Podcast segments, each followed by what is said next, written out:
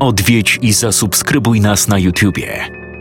Bądź na bieżąco z nowymi filmami i słuchaj jeszcze więcej mrocznych historii.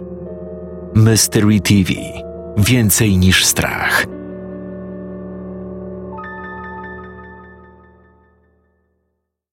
Każdego ranka, każdej nocy, dla męki ktoś na świat przychodzi.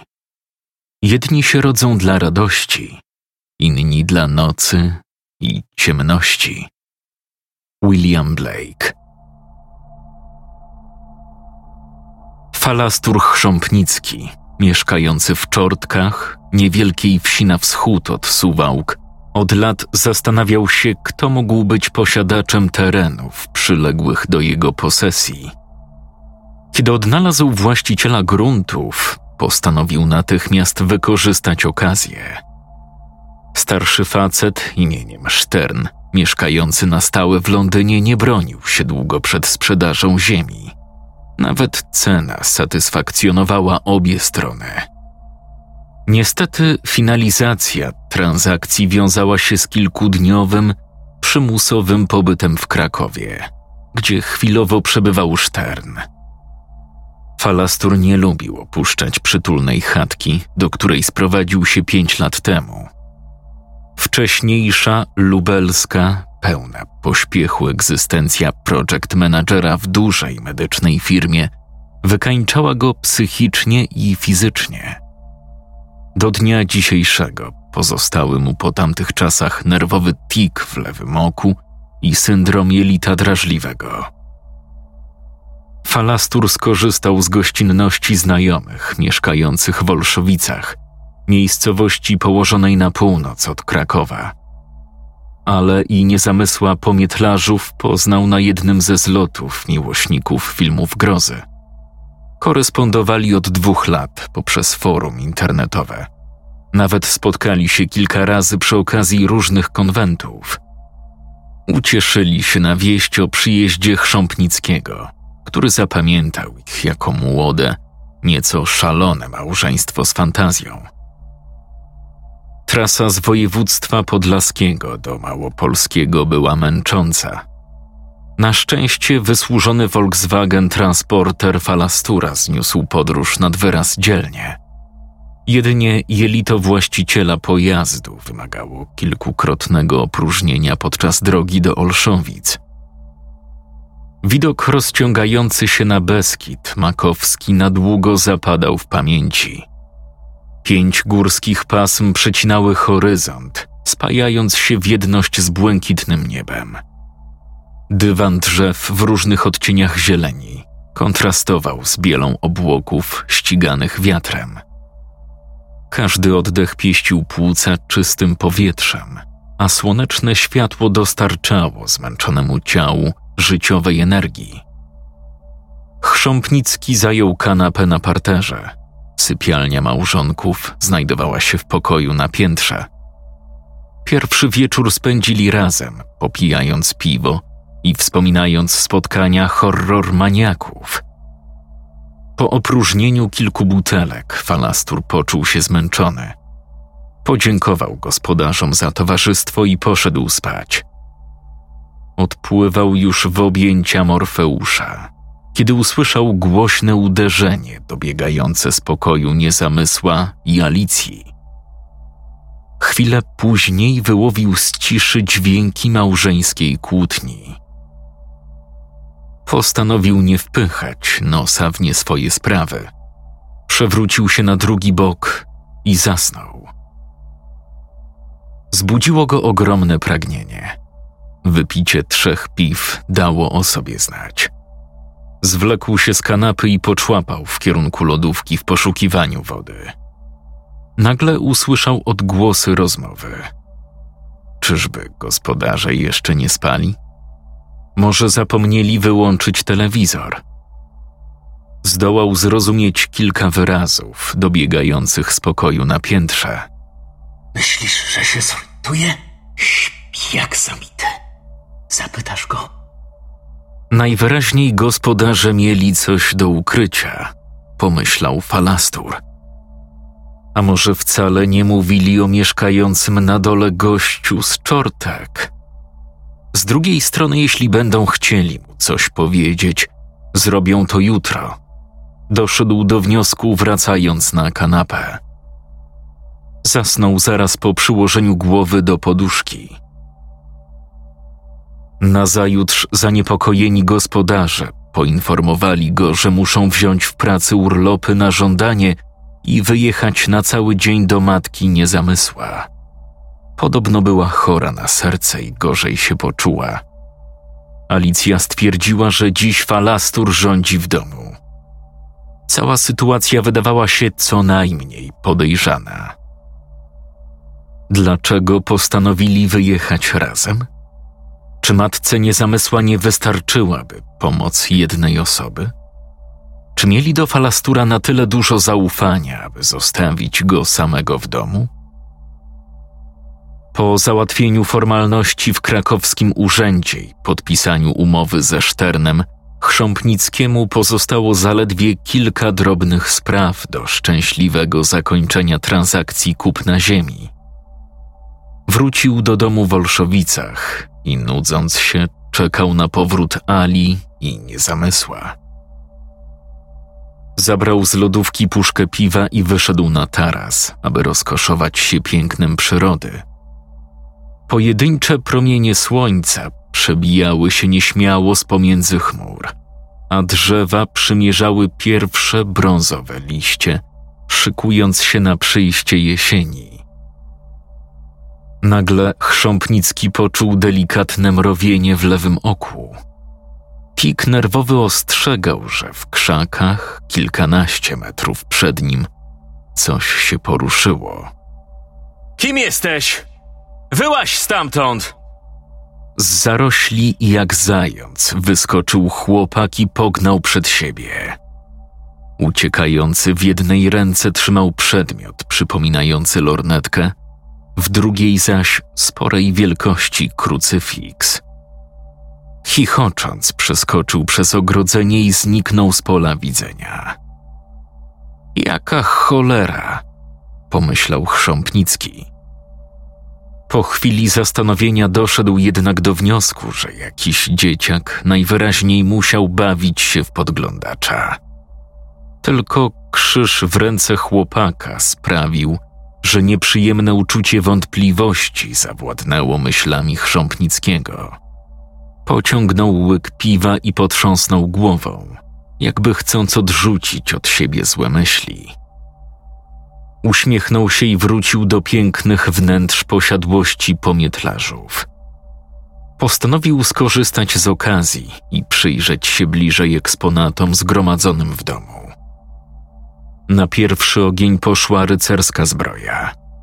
Z przymrużonymi oczami przyglądał się pancerzowi, który sprawiał wrażenie żywego. Zdawał się mówić: Zaraz podniosę miecz i mocnym cięciem zetnę ci głowę. Chrząpnicki na wszelki wypadek wycofał się na bezpieczną odległość do pokoju, gdzie znajdowało się biuro niezamysła. Drewniana szyfoniera z mnóstwem maleńkich szuflad zdobionych scenami z polowań robiła niesamowite wrażenie.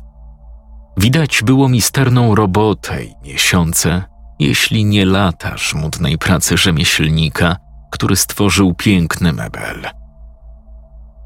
Zwierzyna uciekająca przed myśliwymi wyglądała jak żywcem wyciągnięta z filmu przyrodniczego. Można było dostrzec nawet futro porastające lisią głowę. Zaraz, zaraz. Czy to tylko wrażenie? Czy łoś poruszył głową? Przecież to niemożliwe, pomyślał Chrząpnicki. Po przeciwległej stronie pokoju, na nakasliku, stał patefon. Falastur pokręcił korbą i położył szafirową kulkę głowicy na czarnej, winylowej płycie. Z tuby wydostał się czysty dźwięk walca Johanna Straussa. Dwie balowe suknie wiszące na ścianie jakby zaczęły falować – Chrząpnicki dopił piwo i skierował wzrok na biblioteczkę wypełnioną książkami. Uśmiechnął się, rozpoznając dobrze znane sobie pozycje. Końcu w domu mieszkali fani horroru. Pośród książek Kinga, Dicka i Mastertona Falastur dostrzegł stary, duży wolumen zatytułowany Księga Czarnej Magii i Okultyzmu. Kartkując strony, zatrzymał się chwilę na rozdziale poświęconym ożywianiu zmarłych. Nagle usłyszał, jako podłogę uderza jakiś przedmiot. Podniósł klucz, zastanawiając się, do których drzwi może pasować. Chciał odłożyć książkę na miejsce, kiedy spostrzegł włącznik znajdujący się na tylnej ściance biblioteczki. Przez chwilę poczuł się jak bohater tandetnego dreszczowca. Rozejrzał się dookoła w poszukiwaniu ukrytej kamery. Miał wrażenie, że dom pomietlarzów żyje. Czy to było kolejne złudzenie? Czy to tylko zmęczone oczy płatały mu figla? Wzruszył ramionami i nie widząc nic podejrzanego, nacisnął przycisk. Zgodnie z oczekiwaniem, biblioteczka przesunęła się, ukazując metalowe drzwi. Idąc za ciosem, nacisnął klamkę, jednak wejście było zamknięte. Od razu przypomniał sobie o odnalezionym przed momentem kluczu. Wetknął go do zamka i przekręcił.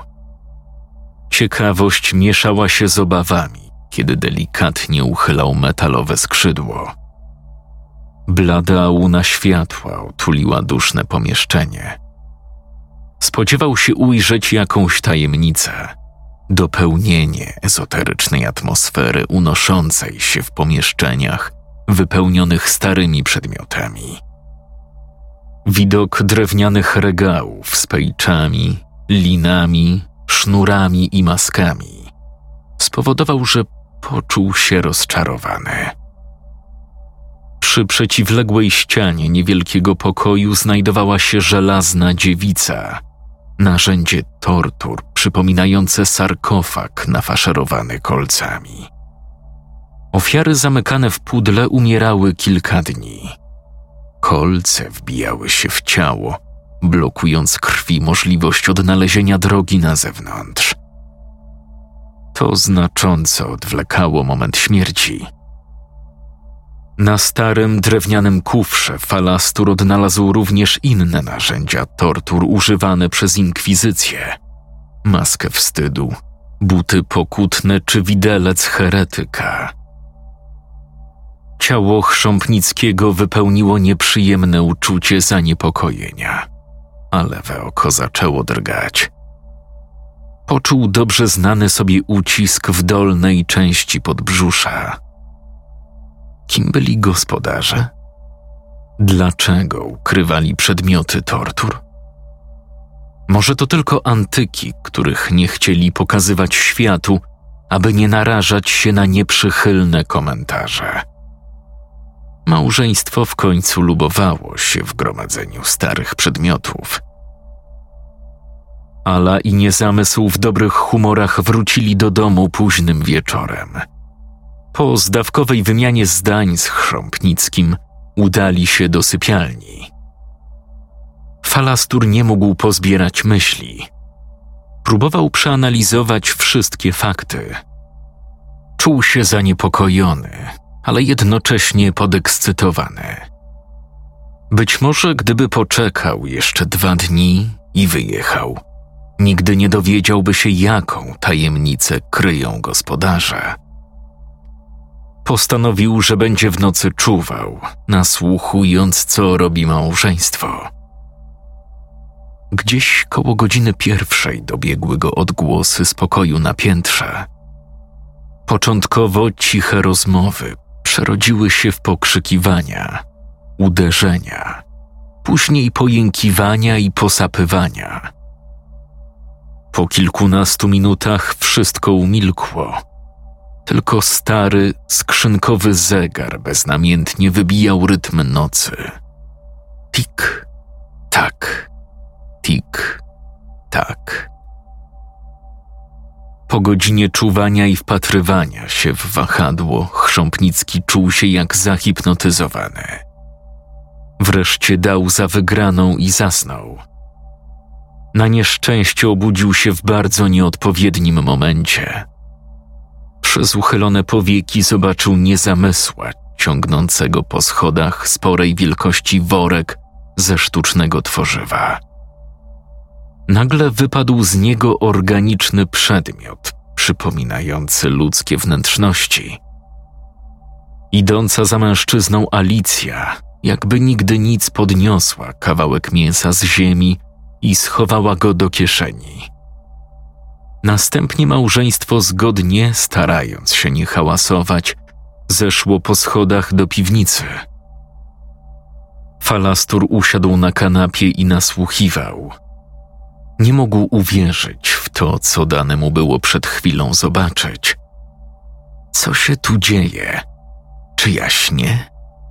Co oni robią? Zastanawiał się. Kilkanaście kolejnych minut ciągnęło się w nieskończoność. Dałby głowę, że słyszy uderzenia siekiery rozczłonkowującej mięso i kości. Alicja i Niezamysł rozmawiali, na tyle jednak cicho, że Chrząpnicki był w stanie wyłowić z dyskusji tylko dwa zdania. I pomyśleć, że trzeba było jechać aż do Warszawy po taki chłam. Mały włos nie wybiło mi oka.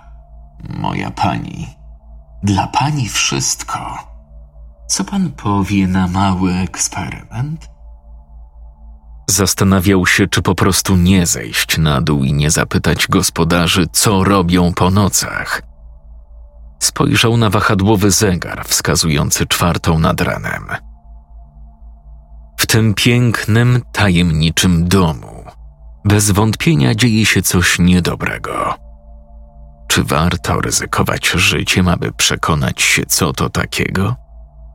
Czy siekiera, którą w obecnej chwili małżonkowie ćwiartują niewinną ofiarę, nie wyląduje w mojej głowie? Może lepiej nie pchać się w objęcia śmierci. Kołatało się po głowie Chrząpnickiego. Postanowił, że jutro jak najszybciej załatwi wszystkie urzędowe sprawy i jeszcze wieczorem wyjedzie. Z drugiej jednak strony w umyśle wykiełkował pomysł, który nie dawał spokoju. Może warto przyjrzeć się poczynaniom pomietlarzów nieco bliżej? Stracić taką okazję to byłoby karygodne. Czortkowianin położył się na kanapie i zaczął układać dalszy plan działania. Tylko uśmiech wskazywał, że narodził się genialny pomysł. Nazajutrz rano małżeństwo w doskonałych humorach, bez żadnych objawów zmęczenia, przywitało gościa, proponując śniadanie. Jak spałeś? Zapytał niezamysł, obdarzając Chrząpnickiego szerokim uśmiechem. Nie najgorzej. Wyjeżdżam dziś wieczorem. Załatwiłem w mieście wszystkie sprawy. Przez całą Polskę? Na noc? Nie ma mowy. Poczekasz do rana i wyjedziesz wypoczęty. Czy ja wiem? Za to ja wiem. Podsumowała stanowczo Ala, krzyżując ręce na piersi. Czy nie masz nic przeciwko, abyśmy zrobili dziś wieczorem pożegnalną kolację?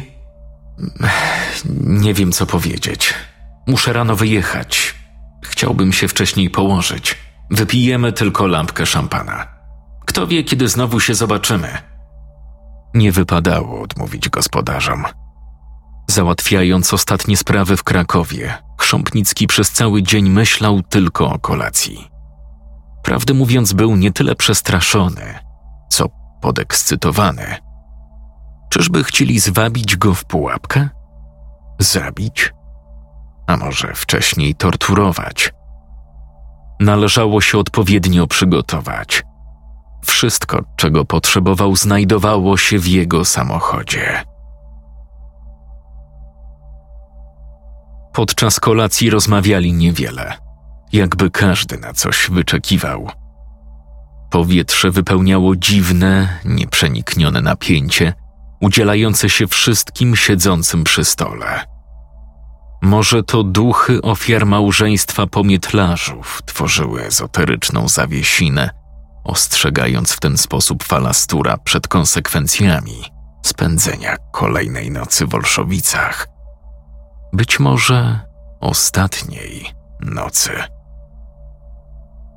Czy nie hałasowaliśmy zbytnio? Zapytała nagle Alicja, popijając trzeci tego wieczoru kieliszek szampana. Dopiero teraz Chrząpnicki zauważył jej paznokcie. Były długie i sprawiały wrażenie twardych i mocnych. Czy to właśnie nimi rozdrapywała twarze ofiar? Czy to nimi rozszarpywała krtanie niewinnych ludzi? Czy to one ostatecznie zakończą jego żywot? Uch, nie mam pojęcia. Spałem jak zabity. to całe szczęście, bo obawialiśmy się z niezamysłem, że strasznie hałasujemy. Chrząpnicki wypił łyk szampana, ukrywając zmieszanie. Prawdę mówiąc, mielibyśmy dla ciebie propozycję. Propozycję? Zastanawiał się, kiedy małżeństwo wyciągnie swoje narzędzia tortur. A może zwabią go w jakieś ustronne miejsce pod pretekstem pochwalenia się nowym horrorem i podarżną mu gardło, albo wyprują flaki.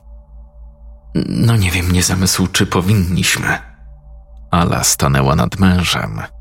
Nachyliła się i złożyła na jego szyi długi, namiętny pocałunek. Jej oczy lśniły jak dwa diamenty. Czerwień ust przyciemnionym świetle zdawała się zupełnie nienaturalna. Czyżby to krew ofiar, którą wypijali podczas rytuałów poświęconych demonom? Dlaczego w całym domu nie było żadnego krzyża? Do tego jeszcze stare przedmioty pamiętające czasy inkwizycji. To był sygnał dla Chrząpnickiego, że najwyższy czas na realizację założonego wcześniej planu.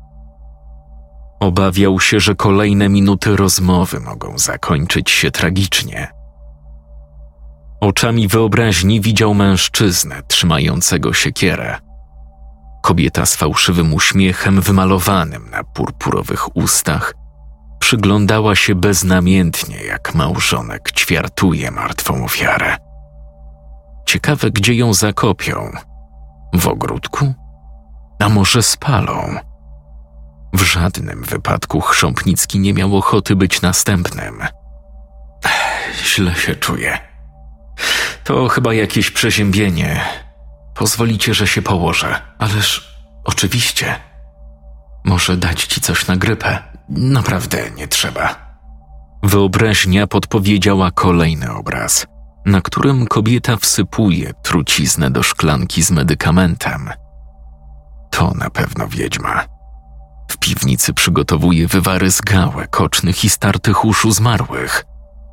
W takim razie dobranoc. Falastur powędrował na kanapę, przeciągnął się i udawał, że układa do snu.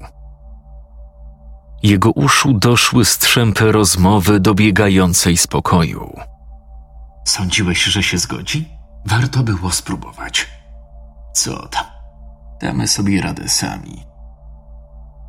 Falastur czuwał. Koło godziny pierwszej rozpoczął się ten sam nocny rytuał. Trzaski, huki i pojękiwania dochodzące z pokoju na piętrze. Chrząpnicki postanowił rozpocząć kolejny etap planu. Wyszedł na plac przed dom, gdzie stał jego Volkswagen Transporter. Otworzył drzwi i wskoczył do tylnej części pojazdu. Podszedł do metalowej szafki znajdującej się za szoferką i wyjął długi sierp. Wykonał kilka cięć, jakby chcąc się upewnić, czy nie wyszedł z wprawy. Szeroki uśmiech pojawił się na twarzy, kiedy metalowe ostrze z gwizdem przeczesywało powietrze. Z bronią w ręku wrócił do domu i udał się w kierunku schodów prowadzących na piętro. Pokoju małżeństwa cały czas dobiegały odgłosy rozmów. Jest już sztywny? Jak skała. No to pchaj. Zaraz, poczekaj. Nie dam rady. Krok po kroku. Niczym kot, falastur pokonywał kolejne stopnie, zakradając się na piętro małżonków. Starał się zachowywać jak najciszej. Obawiał się, aby drewniane schody nie zaczęły trzeszczeć. Do przejścia pozostało osiem stopni. Potem jeszcze kilka metrów po miękkim dywanie. Sekundy zamieniały się w godziny. Odgłosy dobiegające z za drzwi pomietlarzów przybierały na sile i teraz przypominały porykiwania dzikich zwierząt w puszczy. Wreszcie Chrząpnicki dotarł do drzwi pokoju gospodarzy. Ciekawość na spół z niepewnością i obawą zżerały żołądek od środka. Wyobraźnia podpowiadała najrozmaitsze sceny. Widział dwójkę ludzi znęcających się nad jakimś nieszczęśnikiem, aż ten, bez sił i ochoty do dalszej walki, wyzionie ducha. Odpowiedź była tak blisko, zaledwie na wyciągnięcie ręki. Ostrze sierpa błyszczało w dłoni gotowe do użycia. Falastur schylił się i zajrzał przez dziurkę od klucza. Początkowo nie mógł uwierzyć w to, co widzi. Jednak już po chwili zdumienie przerodziło się w śmiech. Alicja siedziała na kozetce w lateksowym, seksowym ubranku i zachęcała niezamysła, aby ten rzucał w nią częściami mięsa, wnętrzności i podrobów. Mężczyzna wyciągał z miednicy zakrwawione kawałki zwierzęcych trzewi i ciskał w kobietę, bluzgając przy tym najgorszymi epitetami, jakie falastur w życiu słyszał.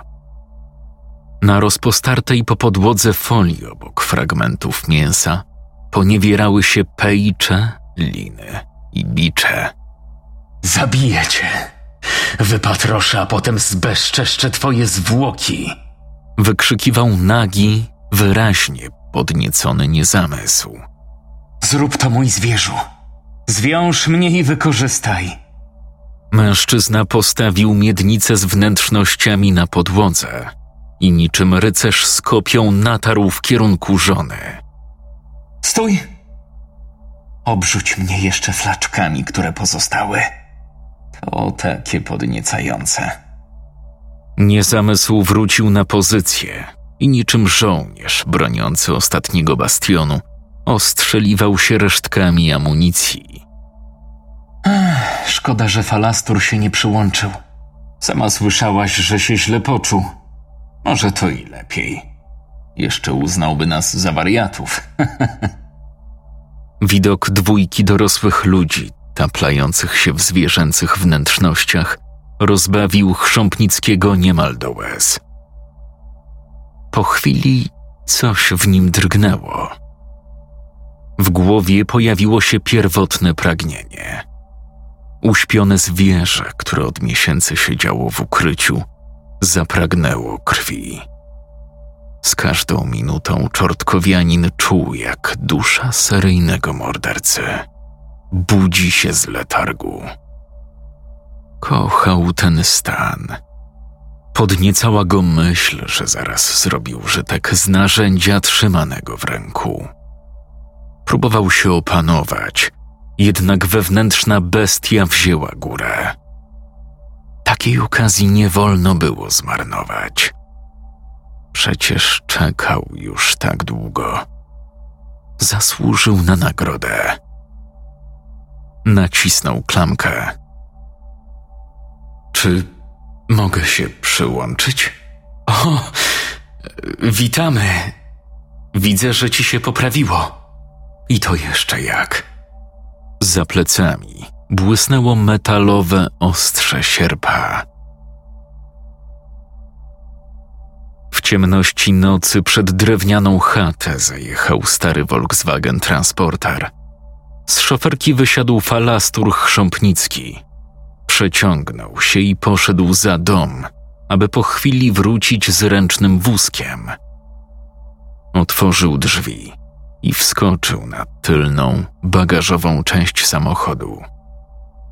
Uchylił sporej wielkości lodówkę przymocowaną do bocznej ściany pojazdu. Wyciągnął zwłoki zmasakrowanej kobiety i zrzucił na wózek. To samo zrobił z trupem mężczyzny. Jakie to szczęście, że kupił te kilka dodatkowych hektarów ziemi. Lodówka zamontowana w samochodzie również sprawiła się doskonale. Zresztą nie pierwszy już raz.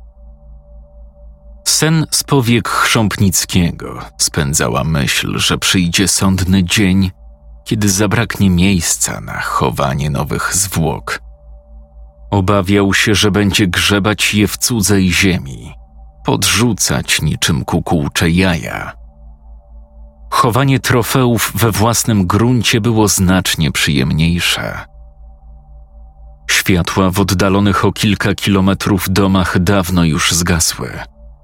Tylko czarne kontury drzew, przypominające zgrabiałe ręce starców, przyglądały się falasturowi ciągnącemu wózek ze zwłokami.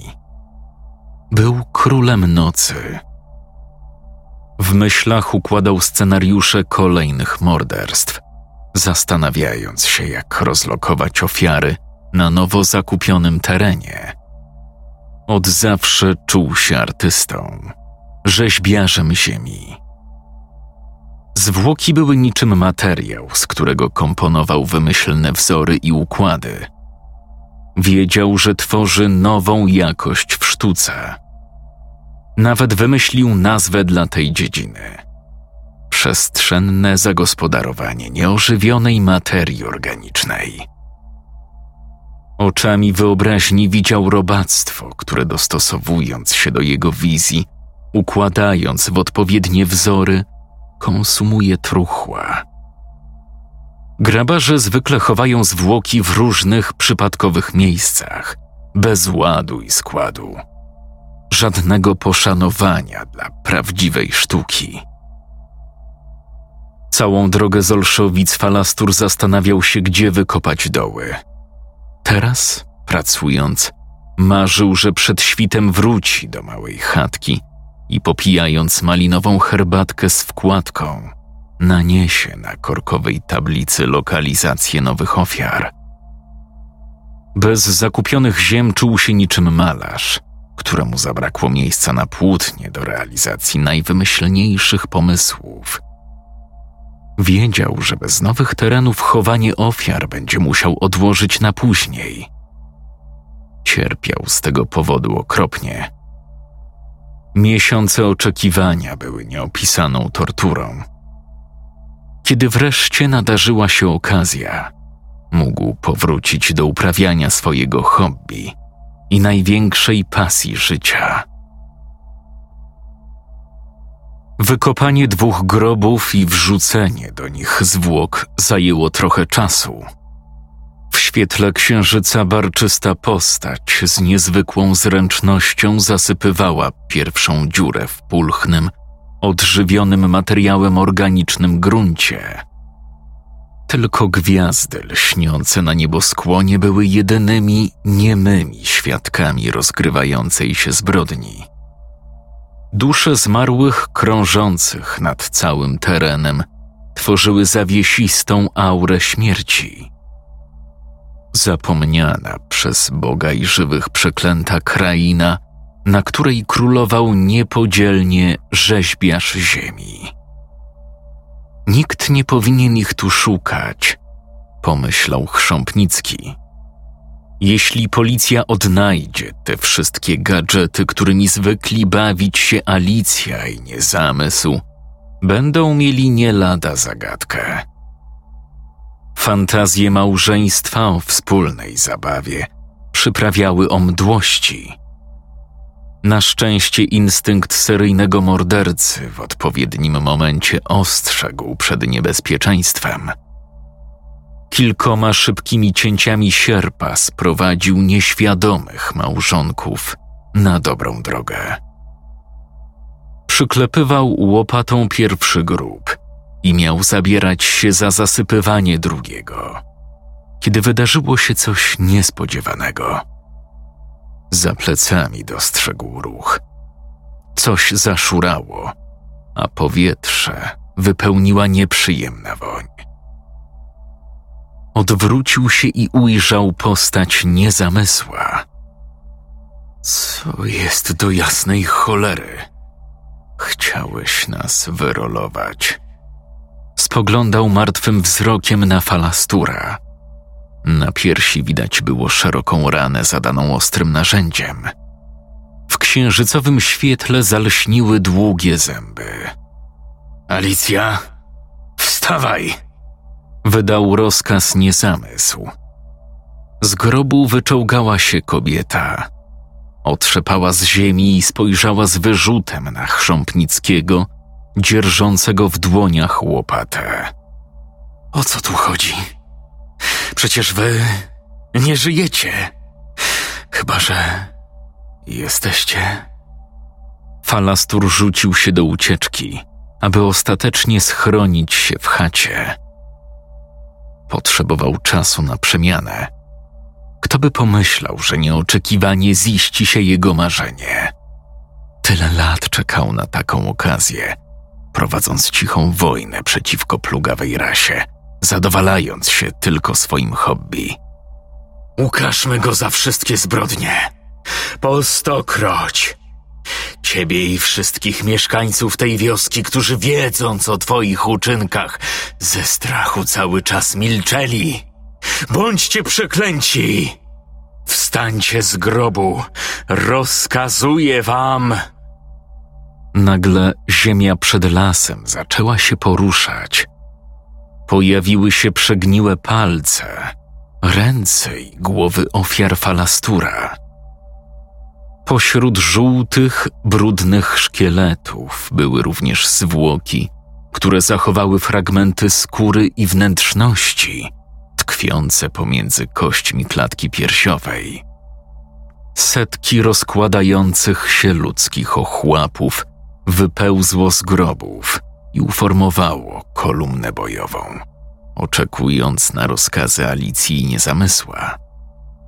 Przegniłe ubrania, odpadające kończyny i fragmenty trzewi tworzyły przerażający obraz oddziałów śmierci. Małżeństwo, stojące na przedzie nowo powstałej jednostki militarnej, rozpoczęło powolną wędrówkę w kierunku domku, w którym schował się Chrząpnicki. Kilkaset powłóczących nogami zombie szło, aby dokonać zemsty na swoim oprawcy. Nagle drzwi chatki otworzyły się i w progu stanął Chrząpnicki, przypominający połączenie drapieżnego zwierzęcia i człowieka. Wilkopiry. Czy wiecie, co zrobiłyście? Złamałyście święty układ zawarty na trzecim soborze. Wskrzesiłyście z grobu ludzi, co zostało wam prawem zakazane. Czy wiecie, co to oznacza? Ale wtopa. Tyle kreatur nosi ten ziemski padł, a myśmy musieli trafić na pieprzonego nekrołaka. W oczach Alicji pojawił się strach. Rzuciła się w objęcia niezamysła i wtuliła, szukając schronienia. Pomietlarz również stracił całą butę. Stado zombie stojące za małżeństwem gibało się to na lewo, to na prawo. Dwójka wilkopirów doskonale wiedziała, co się zaraz wydarzy. Przeżyła za swojego kilkusetletniego życia już dwie światowe wojny pomiędzy rasami panów. Z głupoty, a może z chęci zemsty na falasturze, posunęli się o jeden krok za daleko. Zwykle uchodziło im to na sucho. Nekrołaki o niczym się nie dowiadywały. Pojedyncze incydenty załatwiano sądami panów, które zwykle umarzały śledztwo z obawy przed wojną i zaostrzeniem stosunków między rasami. Jednak teraz było za późno. Odwieczne, święte prawo zostało złamane. Falastur przeczesał olbrzymią ręką grzywę i wydał z siebie kilkunastosekundowy, przenikliwy skowyt. Zdawało się, jakby cała przyroda odpowiedziała na wezwanie. Zerwał się porywisty wiatr. Chmury płynęły po niebie jako szalałe. Drzewa szumiały, a z oddali słychać było zawodzenie psów. Nie rób tego! Poniesiemy srogą karę, tylko nie wzywaj swoich kamratów. Wojna. Czekałem na te chwile długie lata. Za złamanie prawa będziecie przeklęci. Wasza krwioliza zostanie rozlana jako pierwsza. Rozprawimy się raz na zawsze z wszawym plemieniem i staniemy się jedynymi władcami ziemi. Ja, król rasy nekrołaków, falastur chrząpnicki, przyrzekam wam, że nie zostanie żaden wilkopir, pókim żyw. Spłynie krwią cały świat. Wypowiadam wam świętą wojnę. I tylko nerwowy tik w lewym oku i niemiłe uczucie parcia w jelicie grubym przypomniały Falasturowi, że przed batalią musi skorzystać z toalety. Na szczęście dobiegające z oddali odgłosy zbliżających się nekrołaków świadczyły, że za chwilę pojawią się hordy braci, które pozwolą raz na zawsze rozprawić się z plugastwem tego świata. Marzenia czasem się spełniają. Epilog. Patrzę w martwe oczy ukochanej. Krwioliza cienkim strumieniem spływa z jej ust, tworząc na podłodze brunatną plamę. Szara, porana bruzdami twarz Alicji przypomina mi o klęsce.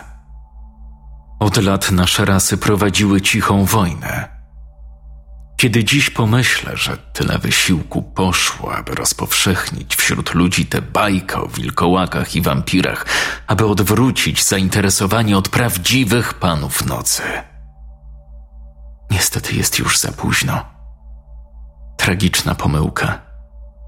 Byliśmy potężni, a teraz została nas zaledwie garstka. Siedzimy w bunkrze, a wrogie hordy nacierają ze wszystkich stron – Wystarczyło kilka miesięcy, aby obrócić ziemię w zgliszcza i zdziesiątkować nasz ród. Wszędzie nas wytropią. Plugawe bestie. Czekały tylko na pierwszą nadarzającą się okazję, a potem skrzętnie ją wykorzystały. Że też musieliśmy trafić na króla nekrołaków. Nie poprzestaną, dopóki wszystkich nie dopadną. Nie wiem, jak długo uda nam się jeszcze bronić. Może kilka godzin, może dłużej. Gdybym tylko nie przyjął go pod swój dach, wszystko byłoby jak dawniej, po staremu. Moi bracia nadal żyliby. Najgorsze koszmary czasem się spełniają.